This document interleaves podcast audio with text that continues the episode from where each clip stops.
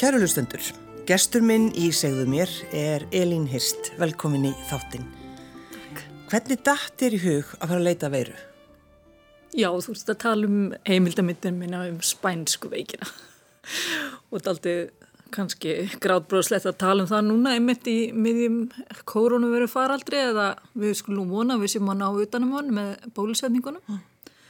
En þetta var 1998 að mér minnir að um, ég fekk þá hugmynd að ég var mjög upptekinn, ég var reynda fyrir þetta maður á þessum tíma hér hjá Rúf og mjög upptekinn að því að gera heimildamindur og söguleg efni. Og ég var búin að gera mynd um uh, afaminn sem hafi verið fangi á á, á bresku eiginu Mön Írlandshafi sérst, í uh, setni heimstöldinu, hann var búsettur á Íslandi fluttur þangað ásand öðrum þjóðverjum og teknibur fyrir fjölskyldi sinni. Ég haf búin að gera þessa mynd og nú langar mig að gera aðra um einhver sögulegar heimildir úr Íslandsögu þannig að þá kom spánskaveikin upp í huga mér og það var ná kannski vegna þess að amma mín eh, kona, eiginkona mannsin sem ég hafði gert fyrirmyndina um, mm. hún hafði fengið spænsku veikina. Og hún fekk hana mjög heftarlega hún misti allt hárið sitt og var mjög lengi að ná sér. Og þarna hefur hún verið um 12 ára göml og hún sagði okkur krökkunum frá þessari lífsreynslu sinni setna þannig að þetta satt alltaf í mér. Mm. þannig að ég ákvað bara að fara að stað og, og búa til heimildamöndum það sem hefur gert þarna, gert þarna í veru faraldrinum 1918 í Íslandi. Þannig, þannig ammaðin er þarna 12 ára þegar hún veikist? Já sko var mikið talað um þetta bara, hjá, bara í fjölskyldunni, Elín? Um, það var kannski ekki mikið talað um þetta en amma, þetta sett, setti svolítið mark á hennar líf og hún sáð okkur krokkunum frá því á mm. hvað hún hefði verið næri því að hún taldi að deyja og hvað hefði verið erfitt fyrir sig að vera sköllótt. kom í skólan og, og en auðvitað voru allir opbáslega laskaðir eftir hennar tíma og uh, fólk var nú bara feið að vera að fá að halda lífi held ég. En um, á þessum tíma þegar spænska veikin kemur til Íslands, þetta er sem sagt, er þetta ekki í oktober? Jú. Oktober 1918? Oktober, já. Og þá kemur sem sagt hingað uh, skip frá Kaupmannhöfn og um, um borðir er allavega einn maður sem er veikur og hann um, fyrir heimtið sín og um, það voru ekki gerðan inn að sótvarnar ráðstafunir hér sem hann finnst alltaf skrítið. Við vissum heilbrís yfirvöld á Íslandi vissu að veikin var uh, var í raun og veru mjög skæði í kaupmana mm. samt voru að taka móti skipum þaðan á þess að aðtuga með farþegana. Akkur ætli það hafi verið? Ég veist að ég, það var mikil gaggríni sem kom á heilbrís yfirvöld eftir að fórsatum var gengin yfir. Um, heilbriðs komur að segja kerfið á Íslandi var náttúrulega afskaplega frumstætt. Það voru hérna nokkur lagnar og þeir því er einmitt líst að hvernig þeir hjóluð á milli og, og það var eitt apotek og það voru eiginlega ekki til einn liv það voru notaður einhverju kamfórudrópar til að lina mest að sásökan og maður svona ekki það var ekkert pensilín og Ég held að mann hafi, já, bara sagt, ekki verið nógu árvökulir hinsvegar út á landi. Þá tókum við þessi til á nokkur stöðum að þessi muni nákvæmlega hvar og, og uh, settu upp í raun og veru, uh, sagt, eða bara lokuðu. Settu ekki bara upp svona sótvartan hlið? Jú, lokuðu bara ákveðin landslöðum. Og, og mér minnir að Norðurland hafi sagt, sloppið ansi vel lengi. En þá er það í rauninni bara, maður hugsa, já þá er það bara einhver svona hugsandi manneska sem að tekur þessa ákvörðu. Algjörlega. Þetta er ótrúlegt. Já. Hvernig var Reykjavík þarna þegar að er, þetta er komið, fólk er að veikjast? Þetta hefur ekkert verið grín. Nei, og margir byggur náttúrulega í lélu húsnæði, var kallt og uh, inn í húsum og, og, og um, það fólk búið bjóð mjög þröngt sem hefur nú heldur betur haft áhrif á það að, að veiran gætt smittast eða borist og um, það voru, mann gerði með þessi samtökjir á þeir sem ekki voru veikir að fara millir húsa með súpu Já. og mann maður sá það, ef maður les um þess heimildir hvað er ennuru þegar svona mikið bjátar á hvað eh, fólk er duglegt og, og, og, og vill hjálpa. Mm. og það er ofsalega hana, gaman og indalt að, að, að rifja það allt saman upp. En um, En já, en það var, var eins og ég segi, það var fátækt og, og, og, og liðlu húsakinni og allt þetta náttúrulega uh, gerði að verkum að það var ennþá erfiðar að eiga við þetta og mjög fá læknar, mm. sumi læknarnir veiktust líka sjálfur. Það er alltaf svolítið, Elin, einhvern veginn áhugavert og bara áhrifaríkt að fara í gamla kirkgarðin og sjá þessi, sko, þessa leggsteina. Já, frá 1918. Já, frá 1918. Já þá verður maður þegar maður, sko, maður skoðar þetta og maður fyllist einhverju bara sorg. Já, það var svo margir að deyja kannski á hverju heimili, menn voru að missa foreldra og sískinni mm. og frændfólk og, og þannig að það var, og það var til dæmis ekki hægt að grafa líkin vegna þess að þau bara voru alltaf mörg á tímumbili og, og allir bærun var lamaður vegna þess að það voru allir veikir. Mm. Dagblöðin hætti að koma út og, og búðirna voru lokaðar og og þetta var alveg, held ég hafi verið alveg svakalegur tími og, og svona margt sem að sko maður held að maður myndi kannski aldrei heyra af uh, framar en svo bara lendu við í COVID Já. árið 2020 uh, þannig að það er nú ekki hlægilegt en, en, en ég hafði reyndar einhvern veginn sagt við, við um, í, í fjölskyldinu að við skildum nú hérna alveg hérna, hafa það í huga að einhver tíma geti komið veira sem hefur myndi setja allt hér á annan endan sérst, og ég vil í öllum heiminum og ég mann hvað var leiði mikið. Þannig að þetta er svo fáránlegt sko ég væri nú alveg först í 1918 en, en, en þetta getur komið fyrir og, og það, þráttur við sem vonandi búin að, búin að sjá fyrir endan á, á COVID-19 þá, þá veit maður ekki hvað gæti komið næst. Mm og það er, eh, það er með talað um það. Já, spænska veikin, síðasta drepsóttin sem að skók heiminn. Akkurat. Það er talað um það? Já. eða var talað um það? Fyrir já, nokkrum árum. Einmitt, já. það er kannski á ekki alveg við. Nei, En Elin, þegar þú ákveður að fara að gera þessa heimildathætti þetta eru tveir þættir og við hér eh, á Ró erum búin að sína fyrir þáttin og þá erum eitt svolítið svona áhrifarík viðtöl við fólk sem mann sem á eins og þú, Elin, amma þín gætt sagt þér hvernig þetta var. Einmitt og það er akkurat þessar, ég er nú sakfræðingur og akkurat þessar frum heimildir sem er svo mikilvægir fyrir okkur að, að við skulum eiga viðtöl við þetta fólk sem upplifið þetta. Sem annarkort eins og Benjamin Jóða Eiríksson, hann, hann fekk spænsku veikina sjálfur og hann lýsir því í myndinni hvernig hann leið og hvað þetta var erfitt. Síðan eru ógleimanleg viðtölinn að hitta þessar eldri konur sem að uh, nú eru látnar en, en sagt, mundu gáttu sagt okkur frá því þarna 1998 hvað áhrif þetta hafði á þær persónlega að upplifa dauðan mm -hmm.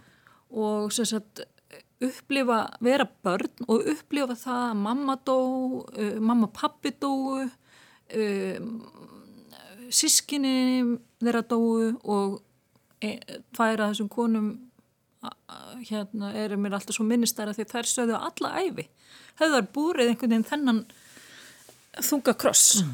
að hafa orðið vittna þessu sagt, að, og þessu missi og í þess, þennan tíma það mátti ekki tala um dauðan, það mátti ekki sína sorgina. Það var bara svona nýft í krakkun og seg, sagt svona, hrist þetta að þér látt ekki, mammaðin myndi ekki vilja það að þú varir eitthvað að væla hérna. Og, og það er líka svo einhvern veginn svo harneskilagt og tala þær um það. Það er tala um það í myndinni já, já. það, það er líka sérsta, áfallið sérsta, þær eru bara sérsta, að byrja það innra með sér. Mm. og eru þær þessar sem að þú talar við Elin í, í þættinum sem fyrir þætti sem við getum bara séð það er að fara inn á sarpin að þá talaður um þessa tilfinningu. Já. Já, hún er eitthvað sem hefur verið bara með þeim allt lífið og þarna eru þær komnar uh, þetta er sérst 1990, þetta eru konur sérst sem komnar yfir áttrætt mm. og uh, en mjög góðar eins og þessu, það er mundur svo vel eftir þessu, gáttu sagt frá hlutunum í smáadröðun annast mm. og það er ein kona sem var svona kannski sem að er þarna, já þetta er nokkuð stór viðtalin einn sem er svona aðal frá svona aðlinni Magdalena hétt hún og hún einmitt var mikið í því að hlaupa á melli húsa með súpuna Já.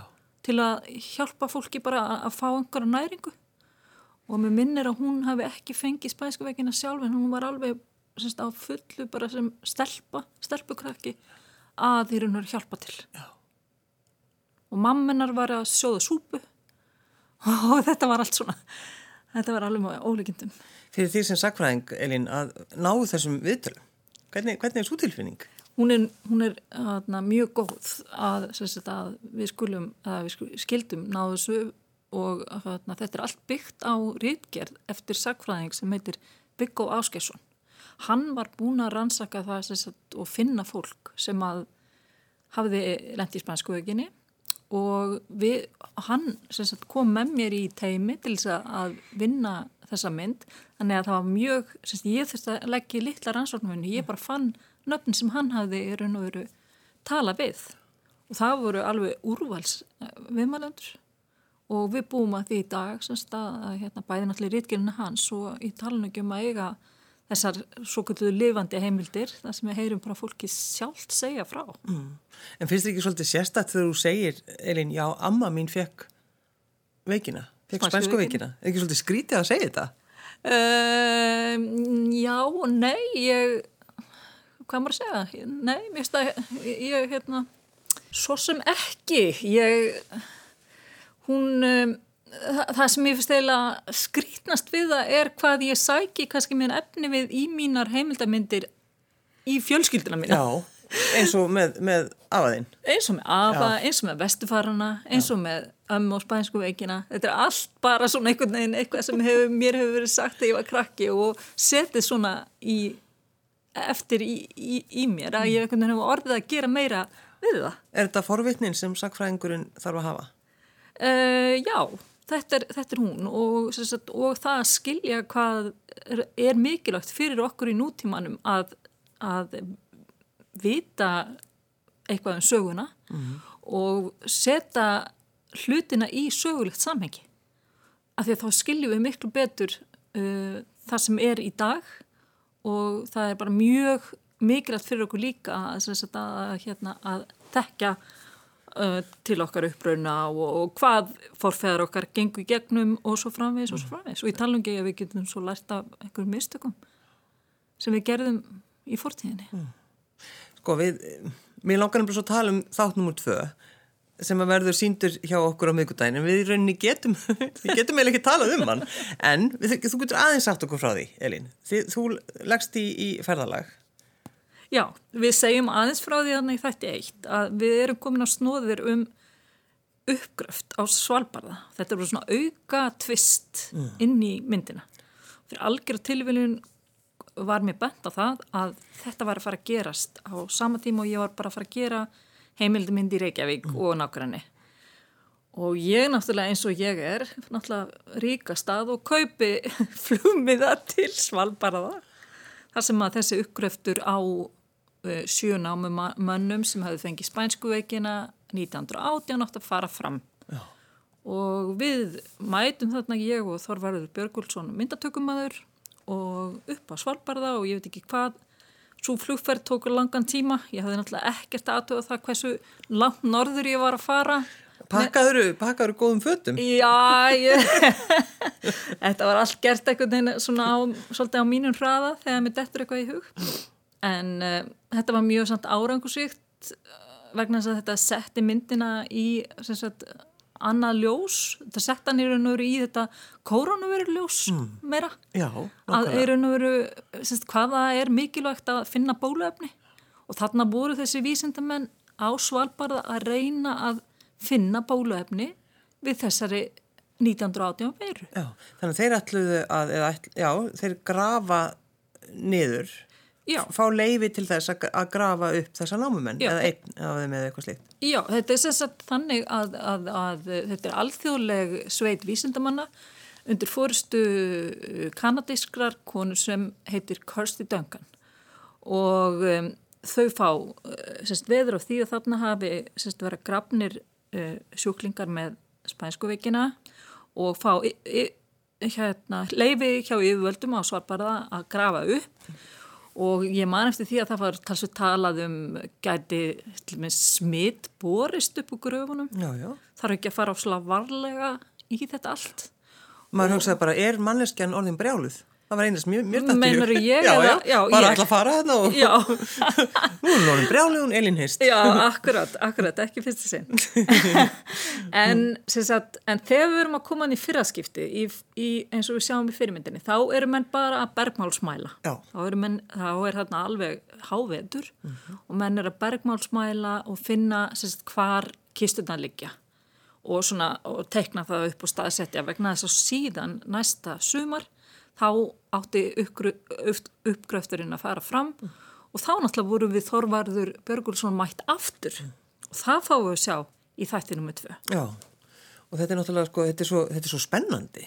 Já, þarna varð allt innu til bara ofsalega spennandi saga með svona mikilvægu sögulegu ígildi þannig að já, stundum bara hitti maður á réttan punkt einhvern veginn. Þetta, þetta bara gerðist svona, bara hlutinir röðust svona upp og, og, um, og í næstu mynd sjáum við sagt, þegar uppgröftin er að fara stað allar þessar um, allar þessar ráðstafnur sem eru gerðir til þess að fólkið á, í Longyearbyen á Svalbardða myndi ekki smitast, það voru svo sem ekki talda mikla líkur því að því að, að það var talið að líkin væru frosin að því að það er sífreyri í jörðu, þetta er svo nálægt norðuhemskutinu, að það fer aldrei frost úr jörðu.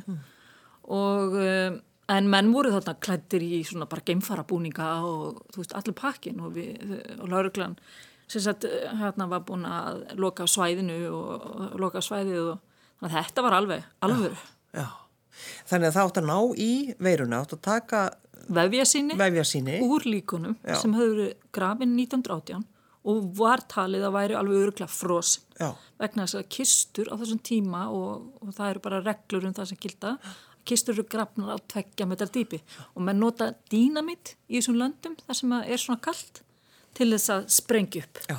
til þess að ná dýftinni Þannig að við fáum bara að vita hvernig þetta gekk. Já, Já, vildi ekkert segja. Nei, ég Nei. get ekkert sagt. Það er, ég get ekkert sagt. Jú, en ég meina auðvitað við það hefur verið endur sína myndina. Jú, þannig að þeir sem sá hana eh, árið 1999, 2000, ég minn ekki hvort það var þeir muna náttúrulega hvað gerðist Já, já, en, en í ljósi sögunar í ljósi COVID og í ljósi alls þá er þetta mjög áhugavert að sjá hvað þarna var á segði Elín Hirst, hvar varst, varstu stödd í lífinu þegar þú varst að gera þessa þætti um spænsku veikina? Uh, Ég var fréttamaður hérna á Rúf og undi hafa mínu mjög vel og, en var alltaf með þetta þess áráttu að, að nota öll mín frí að gera heimildamindir og svona losnaði bara eiginlega ekkert við þetta.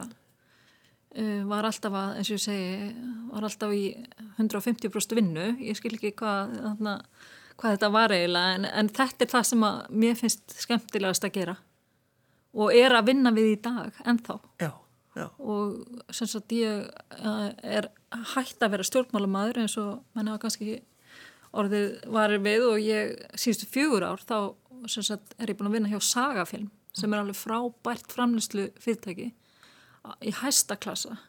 Og ég- get sagt af henni að ég hef unnið hjá svo mörgum aðilum og þarna erum við að framleiða sjónvastáttaröðum um láfslagsmál og fyrri rauðin okkar sem var sínt 2019, hún heitir Hvað höfum við gert?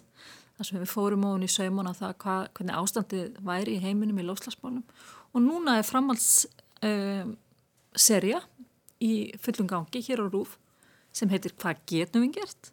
Þannig að nú viljum við finna lausnir bara berjast við þetta og, og ná utanum þetta og það er að Sævar Helgi Bragason sem eh, hefur umsjón með þáttunum uh, ég og Tinna Jóhansdóttir erum svona, hvað við segja, rítstjórar og allt múli fólk í, í, í, á bakvið, hugmyndasmiður og svona og þetta teimi vinnur og við all vinnum hérna, mjög þétt og mikið vel saman þannig að hérna, já, þannig að ég unni bara glöðum mitt mm. Hvað, hvað myndur þú gera þú hættir að fá hugmyndir? Já. Myndur þú hlaupa öskrandu um bara í, í miklum óta? Já, akkurat, nei, það er náttúrulega svo yndislegt að fá hugmyndir og það er ekki, það sem er kannski best er að fá hugmyndir og framkvæmið Já. Vegna þess að og ég er svolítið þar að ég er svona hætti ekki fyrir en ég er búin að frangoma hlutra mm. og þessuna kannski uh, var ég uh, ekki uh, í essinu mínu á alþingi vegna sem ég var kannski hlutinni bara ekki ganga nú rætt mm. en svona líðræði það bara þarf að vera hægt og vandað til verka og en ég er svolítið fyrir það að, að, að hérna að það sé betri að það sé meiri gangur í, í, í hlutunum mm. eins og maður getur þá maður er bara sjálfur og einna að vinna Er það lætið þér? Yfirleitt þá eða hvað? Nei, nei, ég myndi segja að vera frika dagfars prúð svona Já, já, já En eins og, eins og þú segir Elín að fá hugmyndinar og, og fram, framkvama þær strax en þessi sko, hversu mikilvægt er það að, að þekka sögu fjölskyldu sinnar? Já, það er náttúrulega bara, það er bara svo mikil svirði og ég var svo heppin að eiga af og ömmu báðu megin sem að voru erðn og, og, og hérna flottar, hérna duglegar manneskjur sem að hafðu gaman að því að, að segja okkur barnaböndunum frá og við vorum mjög mikið hjá þeim. Það var sá tími að am og afi voru ekki endilega út á vinnumarkanum eins og í dag. Nei, nei og, uh, og við sótt og það var ekkert sjómarp og, og það voru ekki tölvuleikir þannig við sóttum alveg gasalega mikið það að fá að heyra sögur frá því í gamla dag. Og þú hafðir áhuga strax? Já, og ég drakk þetta alveg í mig. Ég gerði það. Þannig að það snemma begðist krókurinn hvað það stærsti. Mm. Og þess að náttúrulega ef maður bara týnir þetta aðeins til, Elín, það er uh, afiðinn í fangilsinu. Já. Þetta er, þetta er, þetta er sko fullkomi fyrir sagfræðingin, er það ekki? Akkurat. Já og þú, þú ferð og, og gerir það, þátt um hann Já.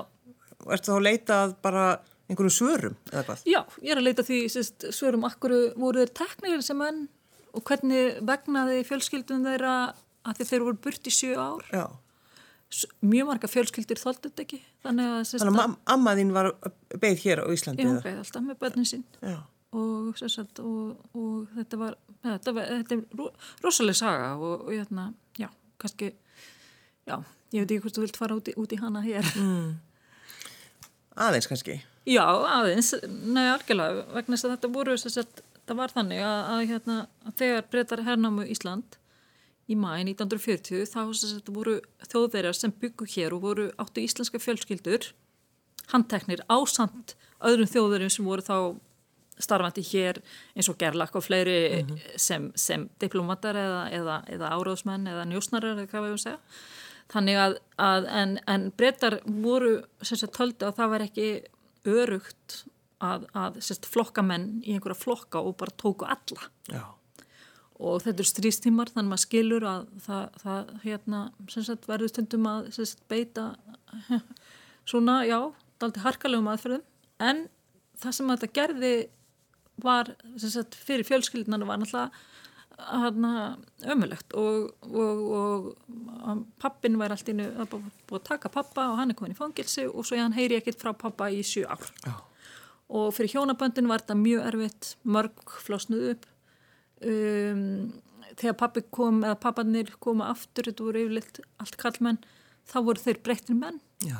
þeir höfðu orðið fyrir ímhinskonar hérna áföllum í fangilsi það var ekki farið ítla með þá þetta var ekki eins og þau var í útrýmingabúðum eitthvað slikt. Mm, þetta var fangilsi. Þetta var fangilsi og, og þannig að það var alveg rosalega dramatík mm. í kringum þetta og það sem að mér finnst kannski einna áhugaverðast og ég hefði vilja að gera meira úr og, og geri kannski að það er það að Íslands stjórnvöld neytið svo að taka við mönnunum aftur eftir stríð. Akkur heldur að það hefur verið? Sko 1947 þá er afi minn að fá að koma hinga fyrst og hann var einn af þeim fyrstu sem fekk að koma. Ég held að amma hafi nú bara sest að niður dómsmálarandi og ekki bara látið sig fyrir að maðurinn að fekk að koma heim, stríðilögu búið, Sest, allt í kaldakóli í Þískalandi og hann náttúrulega að deyja úr söknuði og þau eftir honum og en það voru íslenski yfirvöld, þau tóku þann pólinn í hæðina að þau vildi ekki fá þessa menn aftur Nýlandi og um, ég ætla, ætla að skoða þessa sögu en, en mér skilst að þarna hafi sagt, hafið að verið uh, dómsmálar á þeirra hann Bjarni Benditsson mm. sem að uh, slón hefanum í borðið á endanum og sagði, heyrðu, þetta eru, þetta eru menn sem er íslenska fjölskyldur auðvitað fáður að koma aftur heim mm. og Afi kom heim með, um, með tógara sem sagt, uh, hann komst heim í gegnum Breitlandminnumi og lendi á Ísafyrð og svo komum við rútu til Reykjavíkur og svo saði Amma við strákana sína, jájá, nú er að pappi komin og þá sáður hann koma lappandi eftir hérna lögadalunum og þarna var maðurinn komin sem að þeir hefðu hugsað um og ekki eiginlega hugsað um neitt annað í sjú ár ja. og yngri drengurinn uh, myndi ekki eftir pappi sinum, hann var bara takkjara þegar pappi fór og já, þannig að þetta, þetta já, þessi saga er ansið dramatísk ja. og þetta er bara, sérst, nú er ég bara að segja frá mínum fjölskyldu uh, upplifunum og svo segjum við frá fullta öðrum fjölskyldu upplifunum í þessari mynd sem voru ekki síður dramatísk mm. Af hverju á sínum tíma fóstu í sakfræðina, Elin? Já, ég fór í hana svona bara árið 2003 minni mig. Ég verð semst fjölmjölafræðingur að mönd mm. frá bandaríkunum og svo fannst mér bara að ég sagt, hana, þyrti bara að afla með meiri þekkingu og, og læra me, meira á, á hérna, fræðileg vinnubröð í, á meðan ég var í, í allir þessi stúsi. Ég mm. fann svona til vannmáttar hvað það snerti og hérna, þannig ég ákvað bara að drífa mig í sakfræði og tók mastersprófi í sakfræði. Þegar þú tekur svona ákvæðanir, Erín, er, er ekkert sem stoppar þig? Uh, nei, myndi kannski segja, segja væri, já, ég er ansið svona, já, ef, ef ég ákveði eitthvað þá, þá svona læti ég slag standa eins og mm. þetta er Er þetta góðum stað í lífunu í dag? Mjög góðum stað mm.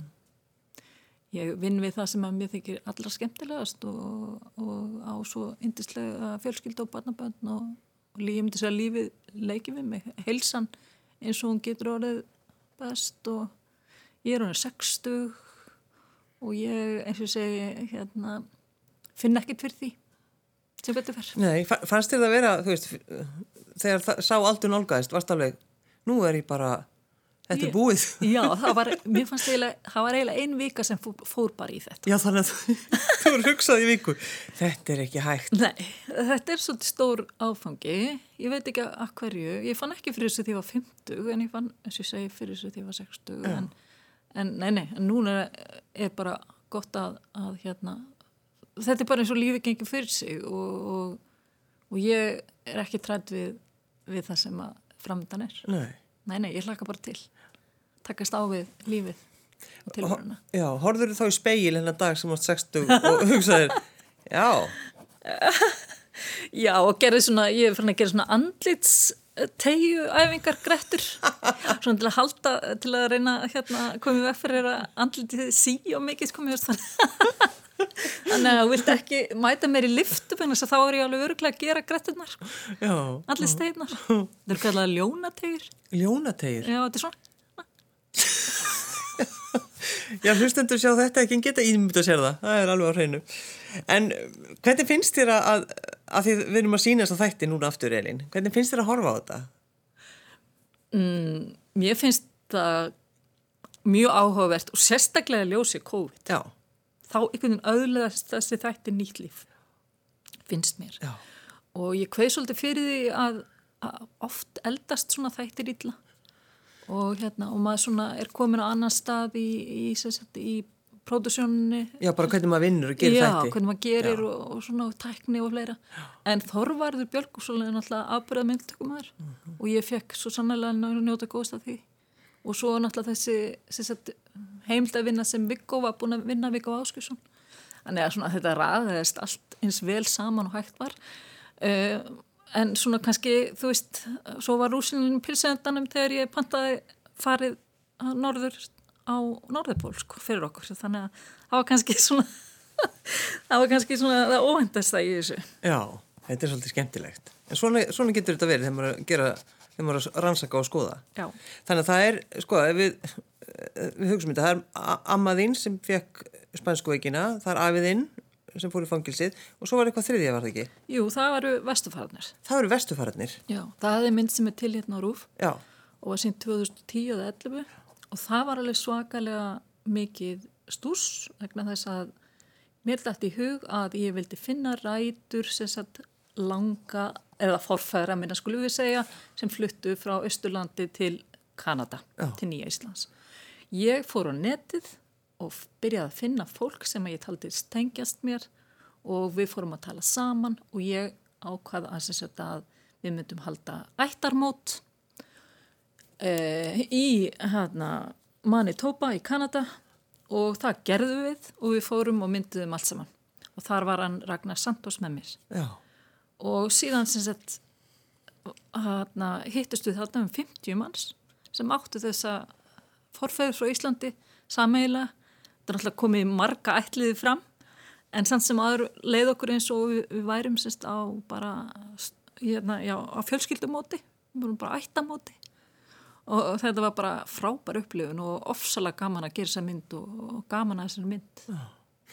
Að, að sko að að finna ræturnar, maður er svo ofta að tala um þetta ég verð að finna ræturnar. Já. Það er það í rauninni sem þú veist að gera þarna eins og með, með vestufarni, ég meina það eru mjög margir sem eiga svona sögu Mjög margir. Það voru 20.000 Íslandingar sem fluttu út. Mjög margir sem eiga rætur og, og, og eins og segja og það er frekar auðvilt að finna þetta. Vegna þess að hér er til heimil sem heitir Vestvaraskrá.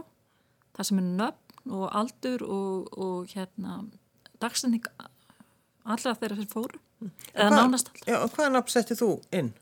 Ég setti, já, ég fór einmitt í Vesturfaraskrána, ég byrjaði á því og ég setti inn sem sagt nafn um, um, forföðu míns og sem sagt uh, uh, sem uh, hétt Sigfús Pétursson. Og ég fann hann og hann skonu, Þóru Sveinsdóttur og síðan bara held ég áfram að Og, það, og niðurstaðan voru 50 manns 50 mann sem voru sem sagt, höfðu átt þessa samílu forfæðri og, og ég og við og hérna við vorum sagt, einu Íslendingarnir vegna þess að þau höfðu öll orðið eftir í Kanada sem sagt en, en eitt barnið þeirra flutti aftur henni til Íslands og við erum svo ættkvísl. Já, því það er náttúrulega sem gerðist oft og það fór, það, fólk kom tilbaka Já og það var ekki algengt en, en það gerðist mm. Og, og þess vegna kom þessi kvísl aftur hingað heim og, og við erum til hér. En hinnir eru allir í, í hérna, Kanada. Og bændur og, og, og mikið bændum. Að mjög mikið af fólki sem er bara flutt út um allt í Kanada. Fólk sem er meir sem flust í bandarækjana sem kom til okkar og hitt okkur og bara frábært að, og það eins og segja voru svo miklu hlýleikar.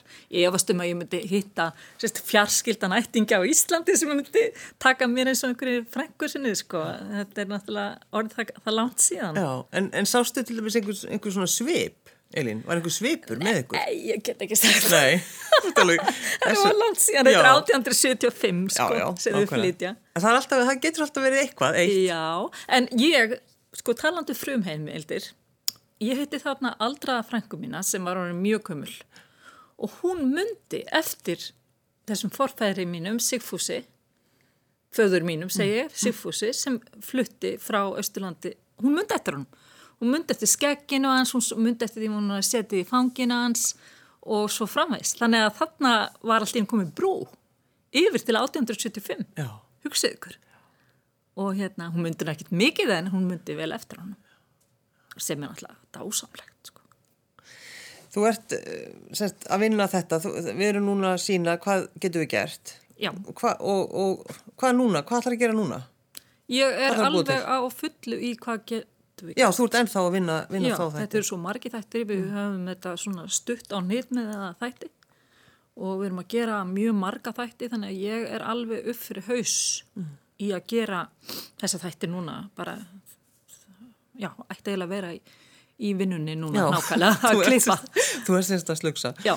Ertu mjög skipluð þegar það er svona mikið að gera í það reylinn? Já, er svolítið gott með að vera með marga bolt á lofti. Já, Þannig að það er alltaf verið þannig. Já, það hjálpa mjög mikið. Og hérna, já, já, nokkuð bara hefur skýra sín, en nota benið þegar ég er að gera það sem ég hef áhuga á. Ég er ekki góð ef ég er að gera eitthvað sem, að, er ekki svona mitt. Mm. Sagt, já, þannig að, að hérna, ég þarf að passa mig á því að, að velja með verkefni sem eru svona, sem ég verð hugfangin af að því að þá gerast hlutinir, finnst mér. Ef þú hugsaður um þetta sem þú hefur verið að gera, náttúrulega fréttastjórin og svo bara vennilegur fréttamaður, á þinginu og svo þetta, hvað er það svona kannski það skemmtilegasta sem þú hefur verið að gera, Elín? Uh, það er langskemmtilegast að gera heimlitiðmyndinar. Það er bara langskemmtilegast. Hitt snýst uh, svo mikið um margt annað eldur en að vera skapandi. Hitt snýst um að eða þú veist yfir maður, það snýst um að að hugsa um bara hafa mannafárað og, og, og svo framveg sem að, og það tekur sagt uh, mikla orku og, og allir sé ábyrð um, auðvitað fylgir því mikil ábyrð að vera með mikla peninga millir handana og að skila heitli þáttaröð ég segi það ekki, það er líka mikil ábyrð en þarna er einhvern veginn sköpunagleðin hún fær virkilega að njóta sín þarna og ég, eins og segi, já. Held að þetta sé bara góðu staði fyrir mig. Elín Hist, takk fyrir að koma. Takk sem leiðis